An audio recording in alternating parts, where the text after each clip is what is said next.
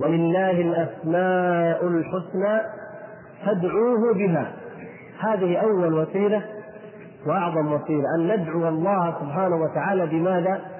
بأسمائه الحسنى إذا افتقرنا إذا اضطررنا وكلنا فقراء وكلنا محتاجون وكلنا مضطرون إلى الله فأرجى شيء وأول شيء في أبواب الوسيلة أن ندعو الله سبحانه وتعالى بماذا؟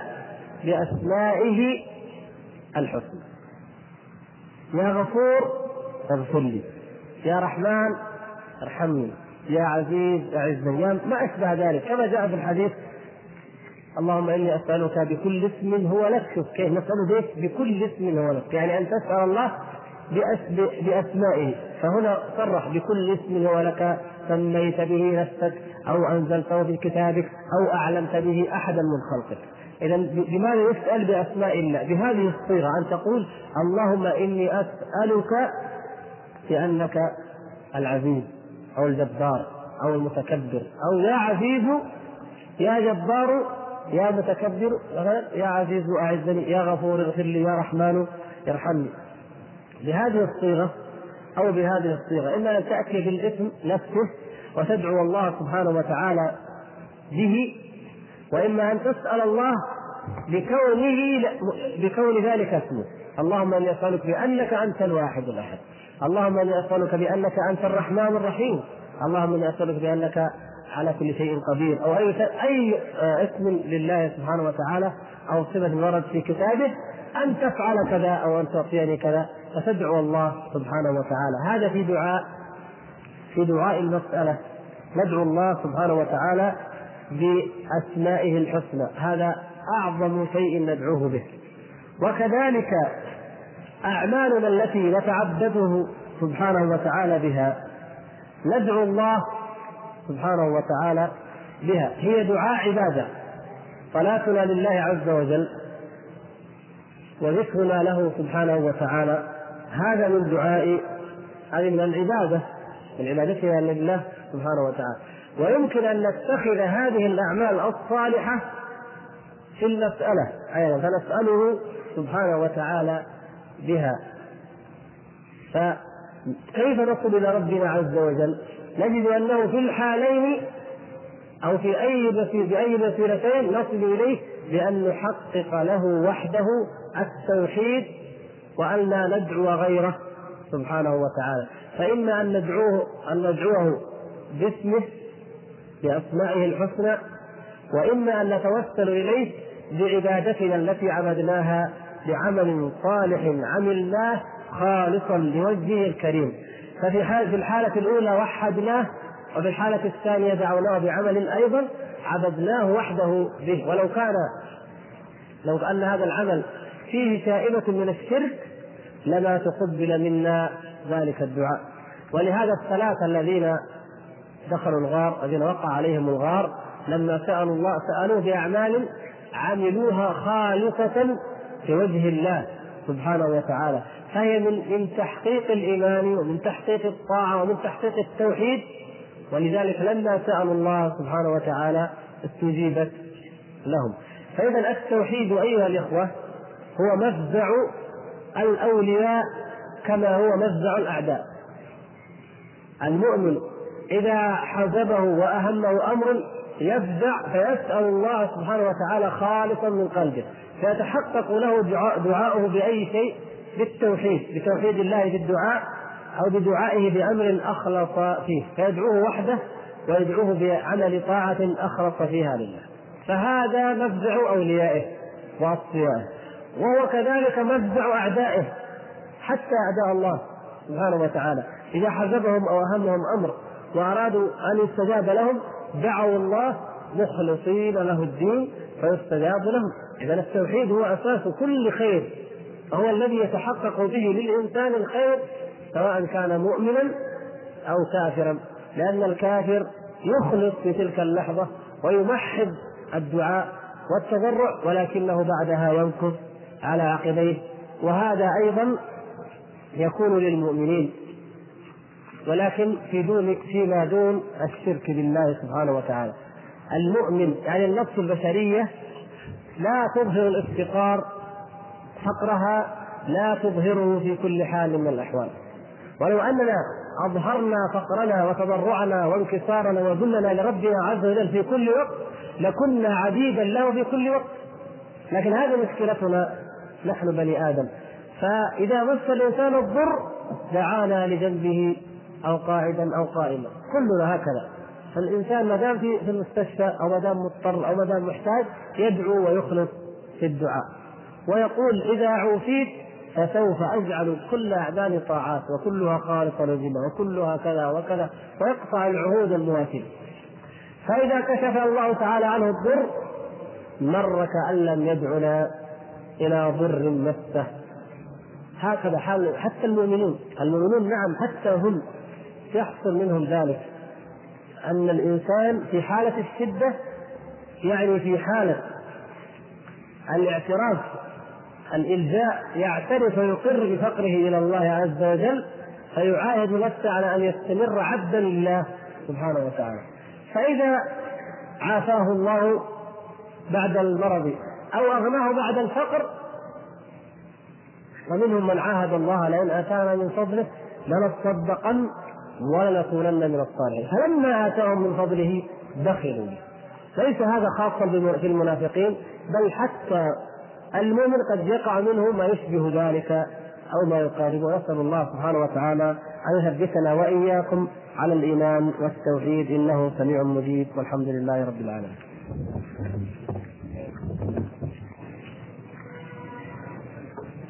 صلى الله وسلم وبارك على نبينا محمد. وعلى آله وصحبه أجمعين.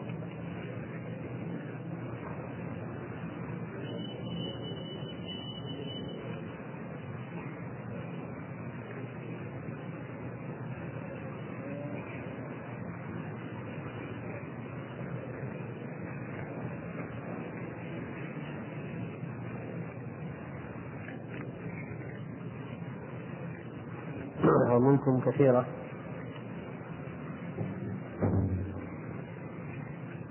وبعض الإخوان يسأل.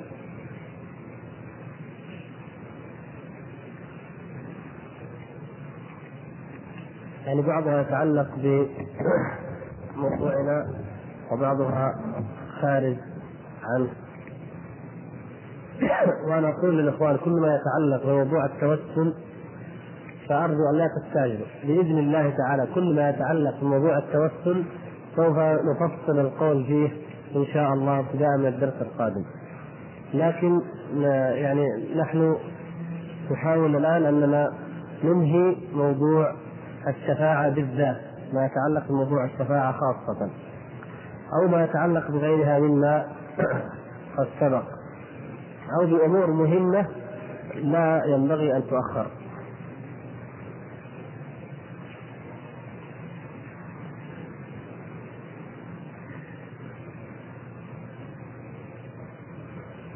مثلا أحد الأخوان يقول آه يرد على هذه الشبهة شبهة ان المذنب يجعل واسطة عند دعائه وسؤاله الله يرد عليها بما فعله إبليس فقد عصى الله سبحانه وتعالى ثم سأل الله مباشرة دون أن يتوسط بجبريل أو ميكال أو ميكائيل أو غيرهما بل قال قال ربي أنظرني إلى يوم يبعثون فاجابه الله إلى ما طلب قال إنك من المنظرين في هذا أعظم رد على هذه الشبهة ولكنهم لم يفقهوا كلام الله والله أعلم. يعني هذا الأخ جزاه الله خير ينبه إلى هذا إلى الرد على من يرون أنه لا يدعى الله تبارك وتعالى مباشرة بل لا بد أن ندعوه بواسطة. فحتى أكثر خلق الله عدو الله إبليس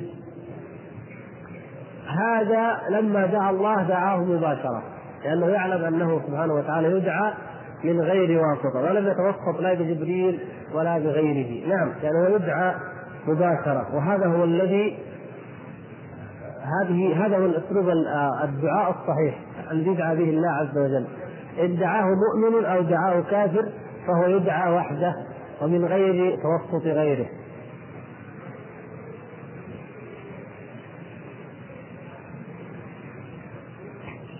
يقول الأخ في النوع الثالث من أنواع الشفاعة وهي شفاعته صلى الله عليه وسلم في تخفيف العذاب عمن يستحقه وذكر منهم المؤلف عم الرسول صلى الله عليه وسلم ولم يخصص بأنها خاصة به بينما ابن القيم في كتاب الاستغاثة في الهامش ذكره المحقق بأن هذه الشفاعة خاصة بعمه صلى الله عليه وسلم فكيف تكون الشفاعة؟ نحن لما شرحنا النوع السادس بينا هذا ذكرنا أن هذه الشفاعة خاصة بالنبي صلى الله عليه وسلم من جهة وخاصة بأبي طالب من جهة أخرى. فأي كافر آخر فلا شفاعة له أبدا ولا يشفع أحد أيا كان في كافر إلا النبي صلى الله عليه وسلم فهو وحده يشفع وفي أبي طالب وحده. لكن هو ذكر المثال يقول آه والحقيقة الأخ يقول النوع أيوه الثالث نعم. الثالث يقول الشفاعة في تخفيف العذاب عن من يستحقه. كشفاعته في عمه أبي طالب أن يخفف عنه عذابه. يعني آه، الشيخ هنا ذكرها كلامه يشعر بأنها مثال مثل شفاعته في أبي طالب. فالقضية في ذاتها قضية أن النبي صلى الله عليه وسلم. يشفع في أناس فيخف عنهم العذاب شيء. وقضية أن أن أبا طالب لأنه كافر يخف يخفف عنه هذا شيء آخر يعني خصوص أبي طالب. أما غير أبي طالب فإن أعظم أعظم التخفيف هو أن يخرج من النار ويدخل الجنة وهذا واقع لكثير من الموحدين كما قد بينا ذلك.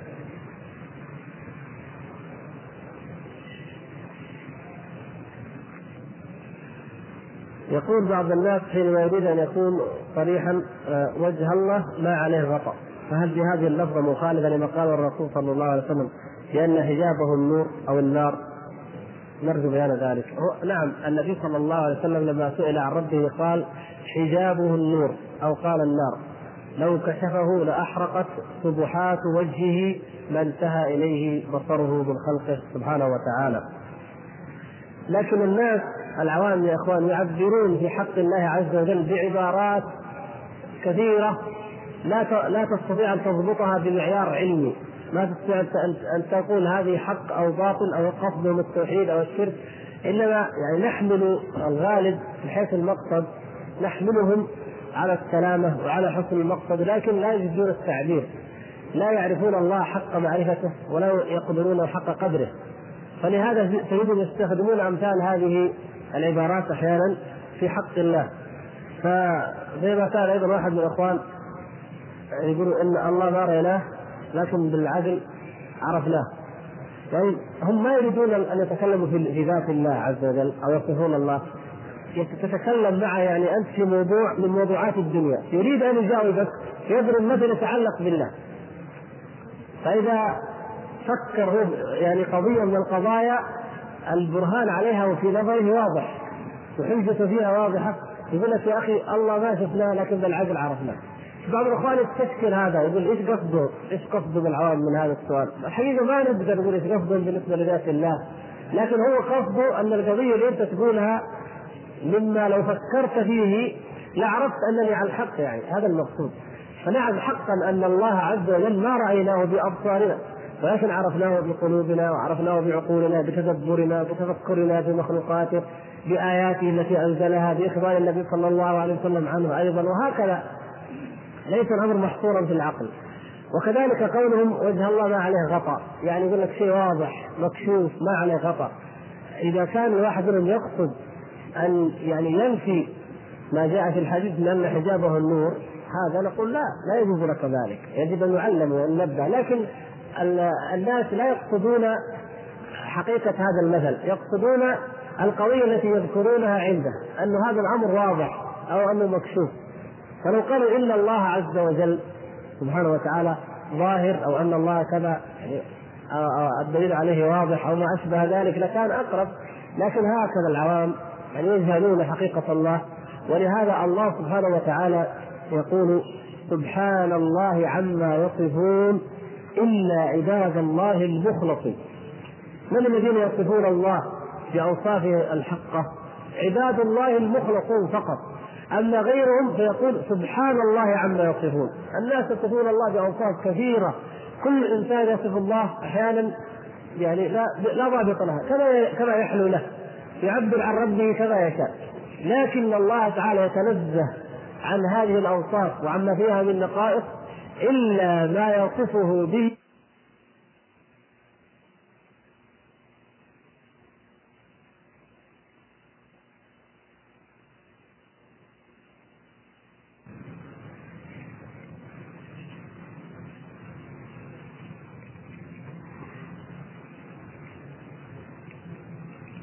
الأخ أيضا يسأل عن قول العوام يقول إذا قلت لاحد تغدى تفضل معنا قال يتغدى معك الرحمن.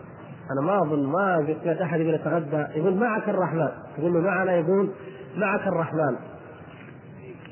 يتغدى معك الرحمن؟ هذا إذا قالوا هذا مشكلة يعني. يعني لا نستغرب. قد يقال نعم لكن إذا قال معك الرحمن يعني ما في شيء. يدعو بأن يكون الله عز وجل معك. والمعية تكون المعية للمؤمنين تكون بالتوفيق وبالنصر وبالتأييد أو مثلا بالبركة أو بأي شيء من ذلك. لا بأس. أما أن يقول يتغدى معك. سبحان الله عز وجل. هذا لا يليق بالله سبحانه وتعالى. خلاص. شهد اثنان أنه موجود. فالله المستعان. يعني يا إخوان نحن واجبنا أن نعالج. الأمراض لا نهاية لها. والجهل بالله عز وجل لا نهاية له. كثير. لكن واجبنا وأما الأمان التي في أعناقنا أن نعلم الناس. وأعظم ما يجب على الخلق أن يعرفوه هو أن يعرفوا ربهم عز وجل سبحانه وتعالى. هذا أعظم المعرفة أن يعرفوا الله. ومع الأسف الآن أن الناس يعلمون من كثيرا مما لا يحتاجونه ولا يعرفون بالله ولا بالطريق الموصل إلى الله. فتجد الناس تجدهم يقرؤون العشرات من الأوراق أو جرائد أو نشرات في أمور لا تهمهم ولا يضرهم الجهل بها. ويستمعون إلى أخبار يوميا لا يهمهم ولا يضرهم من عرفوها أو ما عرفوها. ويسالون عن امور لو لو عاشوا وماتوا لا يهم معرفته. عظيم الذي يجب أن يعرفوه. معرفة ربهم عز وجل كثير منهم لا يدري بما يصف ربه ولا يعرف ما هو ربه وما ولا ولا حقيقة ما وصف الله سبحانه وتعالى به نفسه. ولا يتفطن إلى الاستدلال بما في هذه المخلوقات الكائنات من الأعاجيب والآيات البينات على حكمة الله وقدرته وعزته سبحانه وتعالى وقوته إلى آخر ذلك ابدا. وهذا مع الأسف من سوء التوجيه من سوء التوجيه ومن إعراض الناس ومن سيطره الشيطان عليهم. فأعظم ما تمتلئ به القلوب من المعارف معرفة الله سبحانه وتعالى. وما عدا ذلك فهو إما تبع له يخدمه ووسيله له فهذا طيب وحسن وإما مناف له فلا خير فيه. والآن أصبح الأمر غير ذلك. زي ما واحد من منكم أو أكثر في المرة الماضية يعني سألني بعض الإخوان الآن كي لماذا يخفض منهج القرآن في آه، منهج حفظ القرآن في التعليم في المدارس؟ يعني نفس القضية هي هي قضيتنا نحن. القضية أننا نحن القرآن إيش يعني ليش يحفظ الطالب جزء عما جزء تبارك؟ خليه يحفظ سورتين ويكفي خلاص إيش يعني أكثر الناس ما شعروا بهذا، كم واحد منا شعر بهذا؟ اي أنا أسألكم يا الموجودين الآن. أليس آباءنا أبناؤنا وإخواننا في المدارس؟ كم واحد منا احس بهذه القضية أو اهتم بها أو سأل عنها مدير التعليم أو سأل عنها إدارة التطوير التربوي؟ ليش خفضتم؟ يعني قد يكون له وجهة نظر نحن لا نفترض سوء النية مقدما. لكن المهم إن القضية يجب أن تكون عندنا من الاهميه بحيث أنها تهزنا. سبحان الله كان الطالب يحفظ جزئين الآن يحفظ في فصل كامل سورة الانفطار وفي فصل كامل سورة التكوير وتقسم على أربعة شهور والشهر كم أسبوع؟ يعني سمع آية في اليوم؟ ليش؟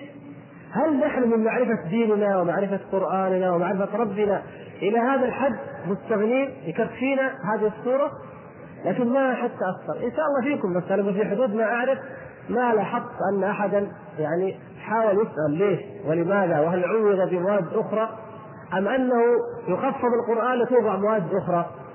هذا شيء عجيب. فنحن أجهل يعني أو بعبارة أخرى أحوج ما نكون إلى أن نعرف ربنا وإلى أن نعرف ديننا.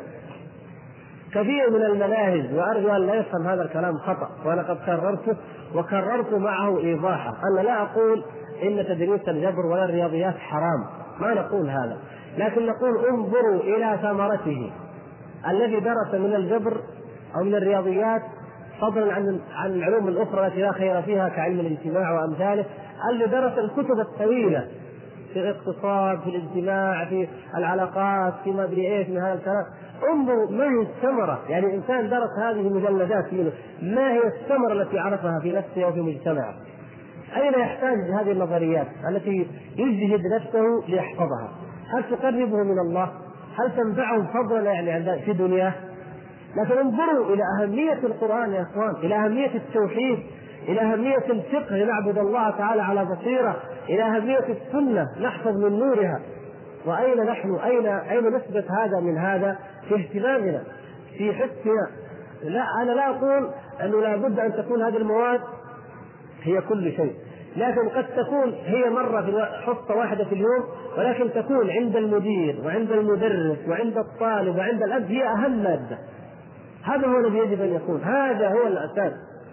أما أننا أهم شيء عندنا الرياضيات حتى لما غيرت جميع المناهج لاحظوا غيرت جميع المناهج في الوزارة في المرحلة الثانوية والصحف والناس يتكلمون تغيرت مناهج الرياضيات اي تراسم مناهج الرياضيات يا ناس كل المناهج تغيرت كل المواد تغيرت كلام الناس كله في الرياضيات ليش؟ لأنها أصعب مادة وأهم مادة دليل إيش هذا؟ دليل اننا أهم شيء نهتم به نذكره وننسى ما عداه فأين اهتمامنا بالقرآن؟ والله فرحنا. وكلكم الحمد لله وكل الناس استبشروا لما أن قرر القرآن الحمد لله في المراحل الثانوية والمتوسطة. وهذا فضل من الله وهذا تصحيح كان يجب أن يكون من قبل. وصحح الأمر وأصبح القرآن يقرر حفظا وأيضا شيء من الغيب. هذا هذا هو الذي يعني هذا الأصل الذي كان لا ينبغي لنا أن نكون في غيره أصلا. لكن كيف تغيرنا من لا قرآن في الثانوية إلى ان أصبح قرآن؟ لما أن كتب الناس الآباء والمدرسون الطيبون وبينوا ذلك فحصل التجاوب من ذوي الشأن في الوزارة فغير المنهج. فالآن حصل النقص فكيف يكون الحل؟ نفس الشيء. مدرسو القرآن في المدارس يبين هذا الشيء. تكتب يا أخي أنت وأنت مدرس تبين ذلك تسأل وكذلك الآباء ونحو ذلك. المقصود يعني أن جهلنا بالله عز وجل مرجعه إلى أننا لا نقرأ من كلامه إلا القليل ولا نسمع عنه تعالى إلا القليل ولا نقرأ من السنة إلا القليل ولكن نحشر أذهاننا يوميا بمعلومات وبأخبار وبأشياء لا قيمة لها ولا تقربنا من الله ولا تنفعنا بل هي محسوبة علينا. عمر يضيع وجهود تصرف وأشياء فيما لا خير فيه وفيما لا يعود علينا. بشيء فضلا عن أن كثيرا منها يعود علينا بالضرر وبقسوة القلب نعوذ بالله.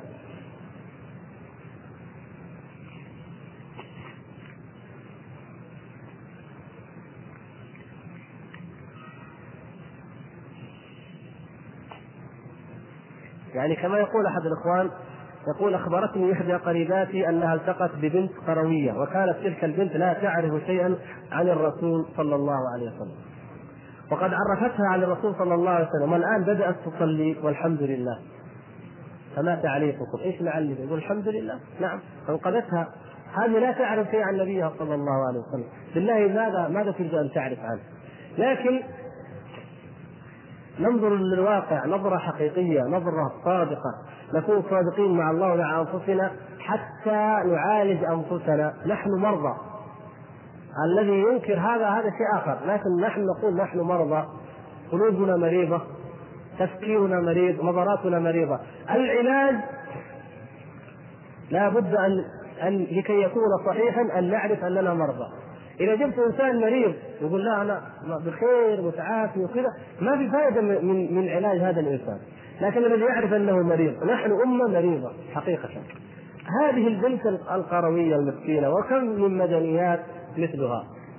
من الذي يعرفها بربها؟ الأم والأب. أي الآباء يعلم ابنائه كل يوم أو كل أسبوع شيئا من الدين؟ المدرسة. منهج الدين في المدرسة. نعم منهج طيب والحمد لله وفيه خير لكن قد تدرسه امرأة متبرجة خليعة الله أعلم بشأنها وحالها وتعطيه بإياه معلومات باردة. لا تربطها بقلوبهم مع الإطلاق. تتحدث تتحدث عن محمد صلى الله عليه وسلم إنه راح وجاء وغزا غزوة بدر ومات وعمره 63 سنة وانتهى كأنها تخبرهم عن أي إنسان من البشر. ما في أي ربط بالقلب. الإعلام حدثها عن إيش؟ هل يمكن أن تعرف سيرة النبي صلى الله عليه وسلم من المسلسلات الليلية التي كل ليلة؟ تعرف عنها شيء؟ ما يمكن ولا تعرفها بشيء. تكرر عليها مناظر الحب ومشاهد الحب. وأنواع الغرام والتفنن فيها كل ليلة ولا تعرف برسولها صلى الله عليه وسلم ولذلك يجوا أهل البدع يقولوا لابد نعمل موالد يا جماعة ليه؟ قالوا من فين للناس أن يعرفوا نبيهم صلى الله عليه وسلم لابد نجتمع كل أسبوع ونقرا مولد سيدي فلان فهربنا من من المعاصي والفجور إلى البدع والضلالات فأمة مريضة أينما اتجهت واينما نظرت والأمة التي لا تعرف ربها ولا تعرف رسولها جديرة بأن لا تكون أمة على ظهر الأرض وهي لهذا لا تعرف طريقها إلى الله ولن تحقق لا في الدنيا ولا في الآخرة أي نصر ولا عز ولا تقدم أبدا هذه أمة من؟ كيف كيف نقول كيف نقف بين يدي الله؟ ما الذي يفتن الناس به في قبورهم؟ ننسى الآخرة ننسى الموت ما الذي يفتن به الناس في قبورهم؟ من ربك؟ ما دينك؟ من نبيك؟ بالله كم يعرف العوام عن هذه الأسئلة؟ من؟ رب من ربك؟ أكثر الناس القضية هذه نصلي أحيانا أو كذا لا تهم أنه يعرف من ربي حقيقة من نبيك؟ والله بعض الناس حتى هذه يمكن ما يفهمها هذه البنت القروية أو غيرها. ما هو ما هو معطي الموضوع اهتمام. وما دينك؟ بعض الناس ولو سألتم العوام تجد العجب. يظن أن اليهود والنصارى والمسلمين كلهم على دين كلهم يدخل الجنة. ما يدري.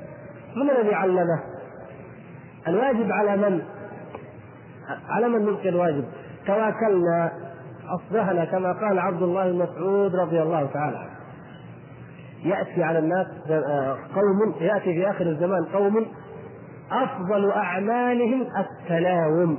أولئك الأمثال. أولئك الأمثال. أولئك الأمثال. النسم شفت الجيفة؟ إذا جيفت هذا حالهم. أفضل أعمالهم إيش هو؟ التلاوم. بعضنا من بعض. أنا أقول أقول المنهج ما هو طيب. والمدرس ما هو طيب. المدرس يقول البيت خربان. لو كان البيت طيب كانوا الاولاد طيبين. كل واحد منا يلقي اللوم على الآخر.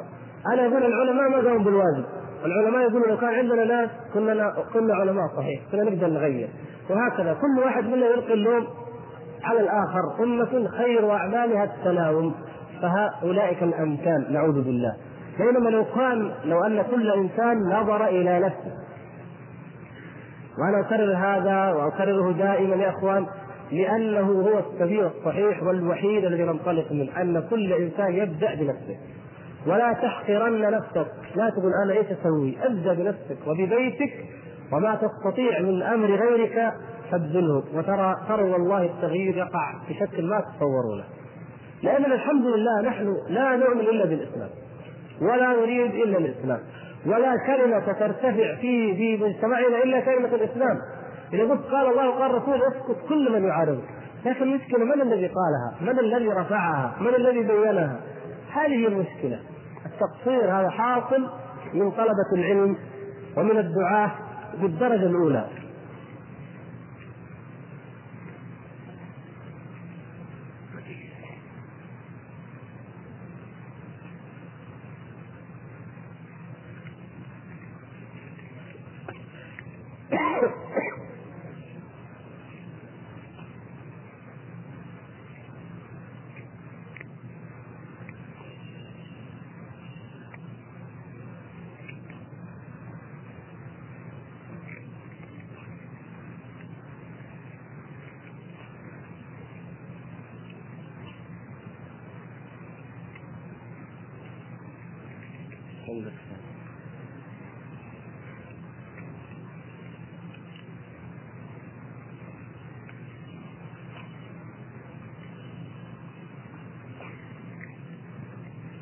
هل يجوز أن يحلف الرجل بهذا اللفظ وحياة ربي أو يا دين الله؟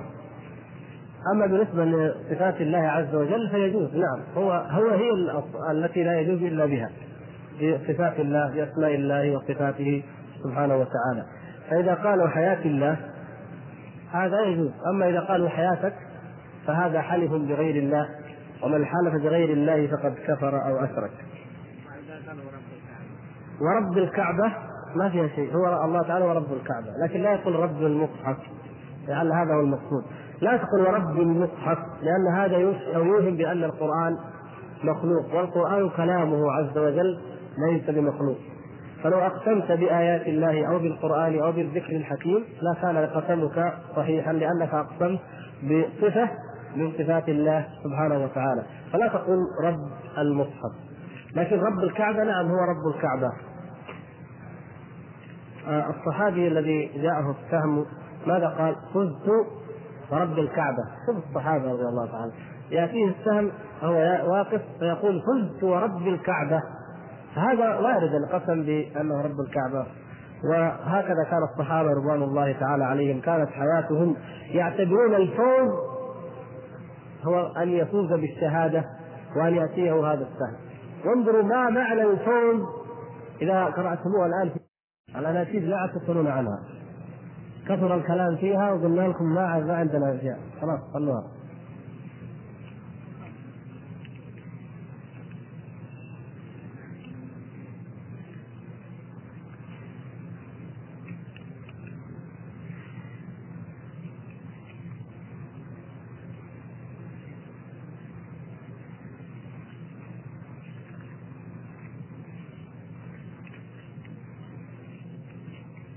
دائما ترجعون إلى موضوع القدر. ما أدري يعني لماذا. لكن هذا الحديث الذي يعني عرض لكثير منكم السؤال عنه كثيرا وهو حديث آدم وموسى عليه السلام لأنه سبق معنا ونريد أن نذكر به وأيضا سيأتي موضوع القدر. فأراكم تسألون عنه.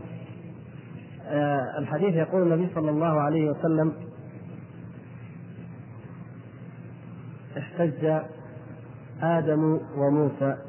فقال قال موسى لآدم عليه السلام يا آدم أنت أبونا الذي خلقك الله بيده وأسكنك جنته. كيف خيبتنا وأخرجتنا من الجنة؟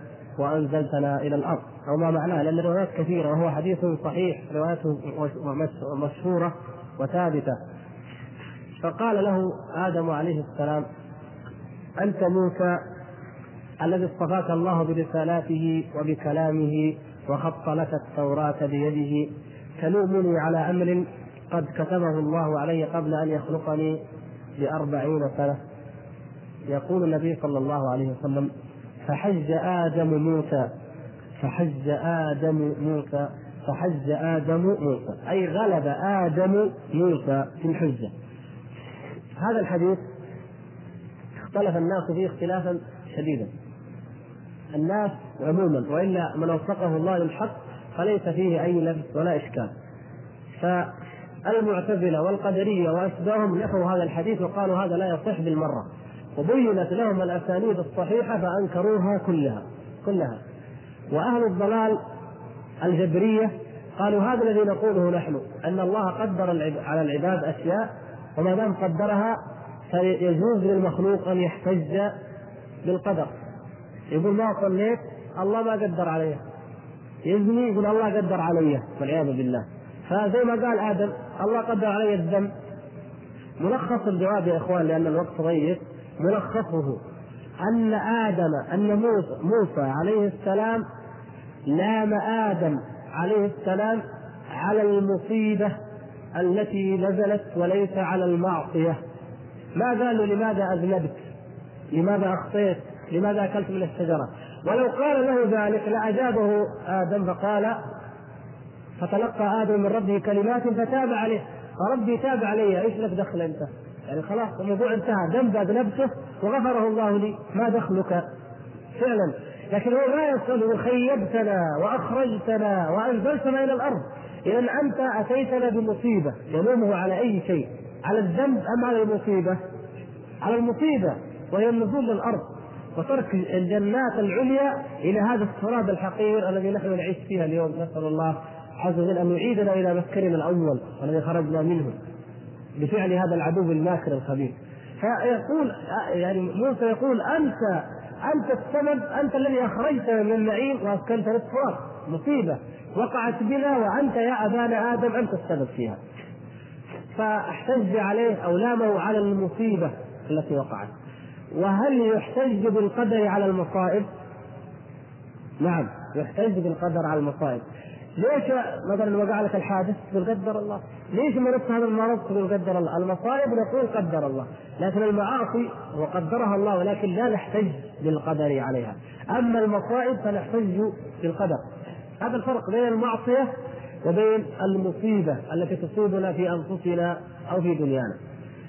فرد عليه آدم فقال تلومني على أمر قد كتبه الله علي قبل أن يخلقني. بأربعين سنة أو قبل أن يخلق السماوات والأرض الله عز وجل كتب قبل أن يخلق آدم بأن الإنسان مصيره إلى الأرض ولا لا؟ إلى الأرض ماذا قال الله عز وجل؟ وإذ قال ربك للملائكة إني جاعل فين؟ في الأرض خليفة هو قال هو قبل ما يخلقني قدر أن يخلقني أن ينزلني الأرض فلو شاء لأنزلني من غير ذنب يعني ما هو قضية قضية أنني أنا فعلت شيء. الله خلقني لينزلني إلى الأرض.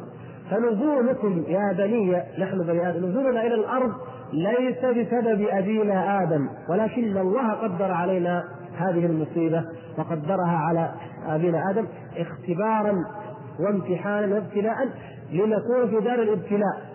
ولنعرف العدو والخبيث فلا نطيعه. ولنعرف الله سبحانه وتعالى الرحمن الرحيم الودود فنتقرب إليه ونتقيه فيقول هذا أمر كتبه الله علي قبل أن يخلقني بأربعين سنة. كتب علي أنني مصيري إلى التراب وإلى الأرض. فالمصيبة التي وقعت عليك يا موسى وعلى غيرك لست أنا سببها وإنما الله تعالى كتبها قبل أن يخلقني. فإذا ما في الحمد لله اي إشكال لا في باب القدر ولا في أي آه، باب من أبواب الدين والإيمان وإنما يكون الاحتجاج بالقدر آه، على إيش؟ على المصائب وليس على الذنوب. فأي مصيبة تقع لك تقول قدر الله وما شاء فعل إنا لله وإنا إليه راجعون. ما أصاب من مصيبة في الأرض ولا في أنفسكم إلا في كتاب. قل لن يصيبنا إلا ما كتب الله لنا. هذا هو. لكن تذنب الذنب فتقول إيش؟ هذا قدر مجرد إنه قدر الله. نعم الذنب أيضا بقدر الله لكن أنت الذي أذنبت. فتقول ربي إني ظلمت نفسي. وذلك آدم قال ربنا ظلمنا أنفسنا. ما قال يا ربي قدرت علينا؟ ربنا ظلمنا أنفسنا. وإن لم تغفر لنا وترحمنا لنكونن من الخاسرين. ويعالج الذنب بالتوبة والاستغفار لا بالاحتجاج له بالأقدار وإنما يعالج بالتوبة والاستغفار. وأتبع السيئة الحسنة تمحها فهذا هو. إن الحسنات يذهبن السيئات. هذا هو العلاج. أما الذي يتمادى ويحتج بالأقدار أو بغيرها فهذا دليل الاستكبار والعتو وأنه مذنب ذنبا أكبر من الذنب. الذي يسرق أو يغش أو أو يزني هذا ذنب عظيم. نعوذ بالله من ذلك. لكن لو احتج على ذلك بالقدر لوقع في ذنب اعظم واخطر واكبر. فاصبحت ذنبين والاخير منهما اكبر من الأول. نسأل الله العفو والعافية.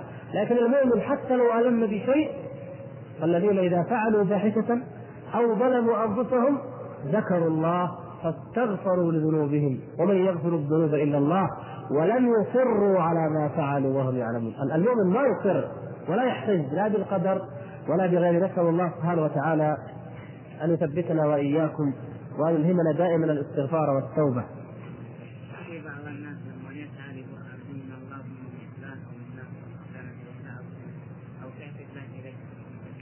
ما في شيء.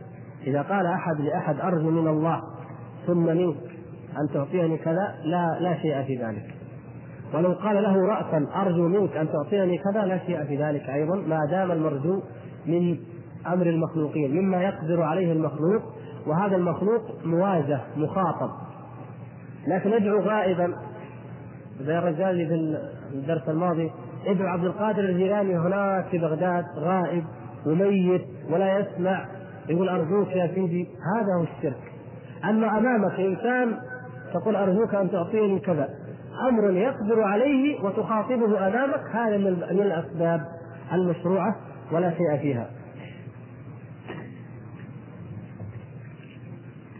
بعض الناس يقولون لا سمح الله أو لا قدر الله كنوع من الرجاء في رحمة الله وليس كاعتراض. فهل بهذا شيء؟